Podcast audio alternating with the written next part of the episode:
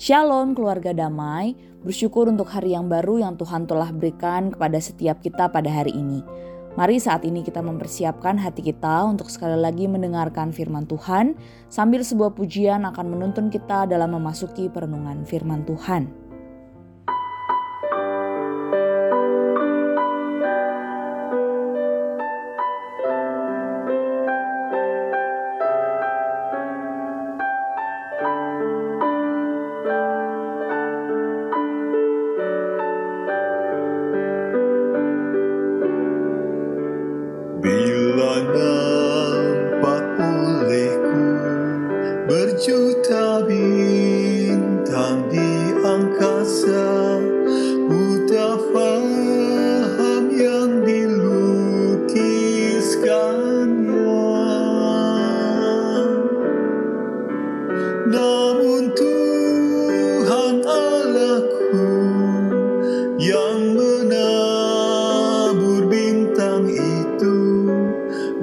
bencana di tiap karyanya.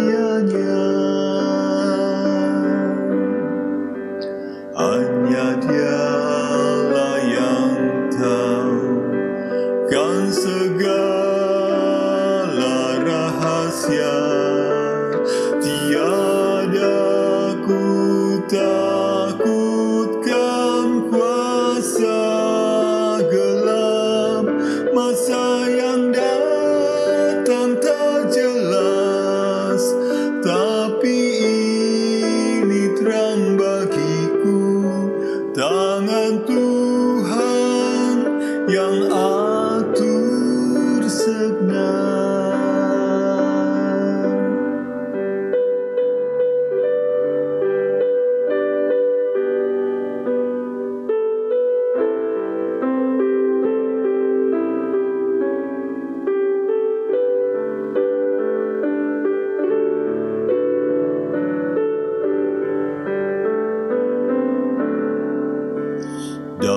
Do.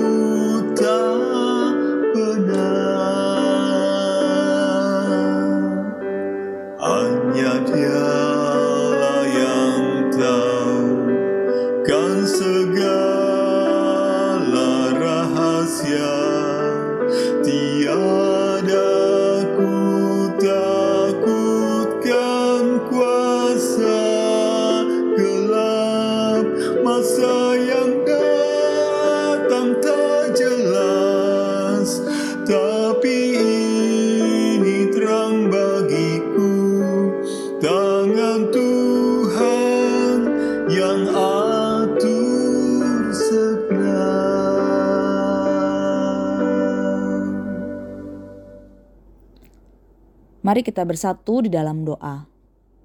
Tuhan Yesus, terima kasih Tuhan untuk hari yang baru yang Tuhan berikan untuk kami pada hari ini. Saat ini ya Tuhan, kami rindu mendengarkan firman Tuhan.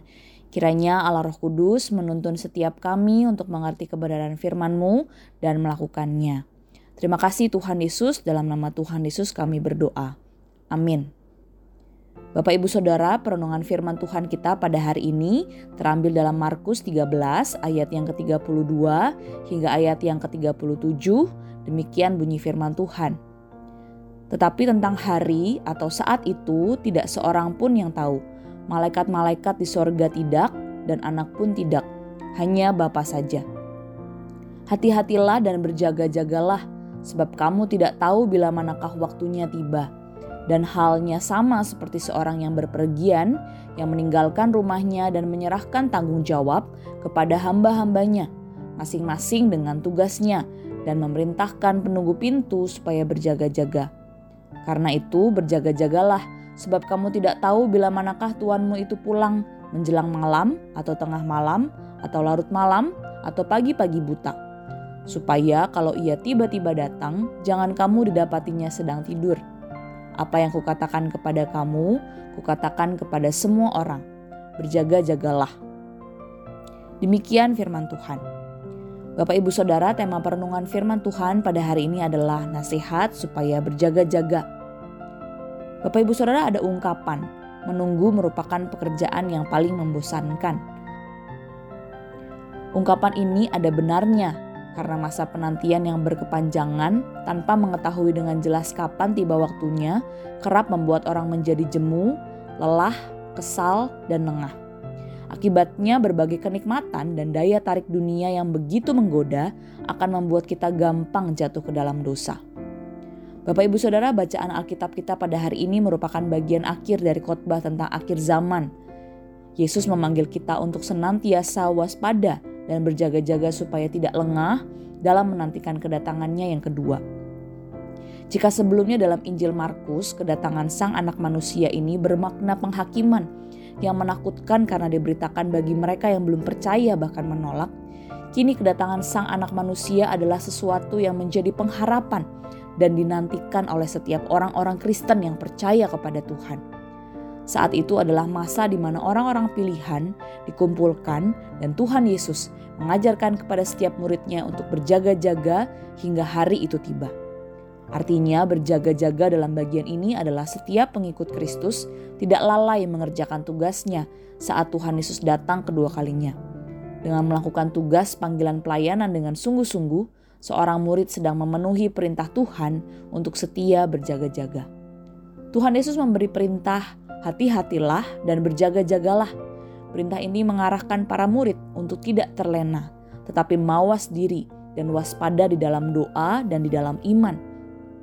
Semua itu dilakukan karena para murid digambarkan seperti hamba-hamba yang berjaga di tengah malam menanti-nantikan sang tuan dan tidak tahu kapan persisnya sang tuan itu datang.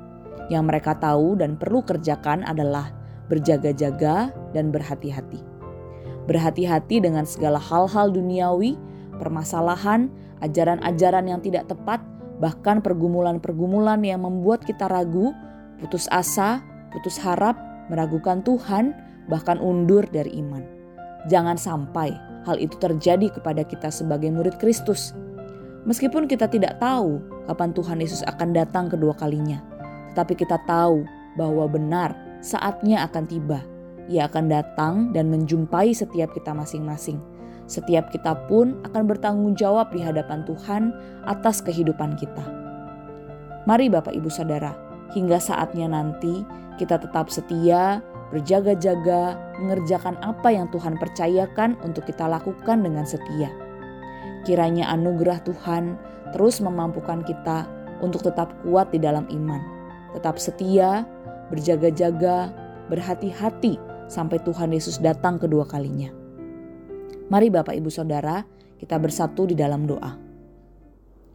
Tuhan Yesus, terima kasih untuk kebenaran firman Tuhan yang mengingatkan kami untuk berjaga-jaga dan berdoa sambil menanti kedatangan Tuhan yang kedua kalinya.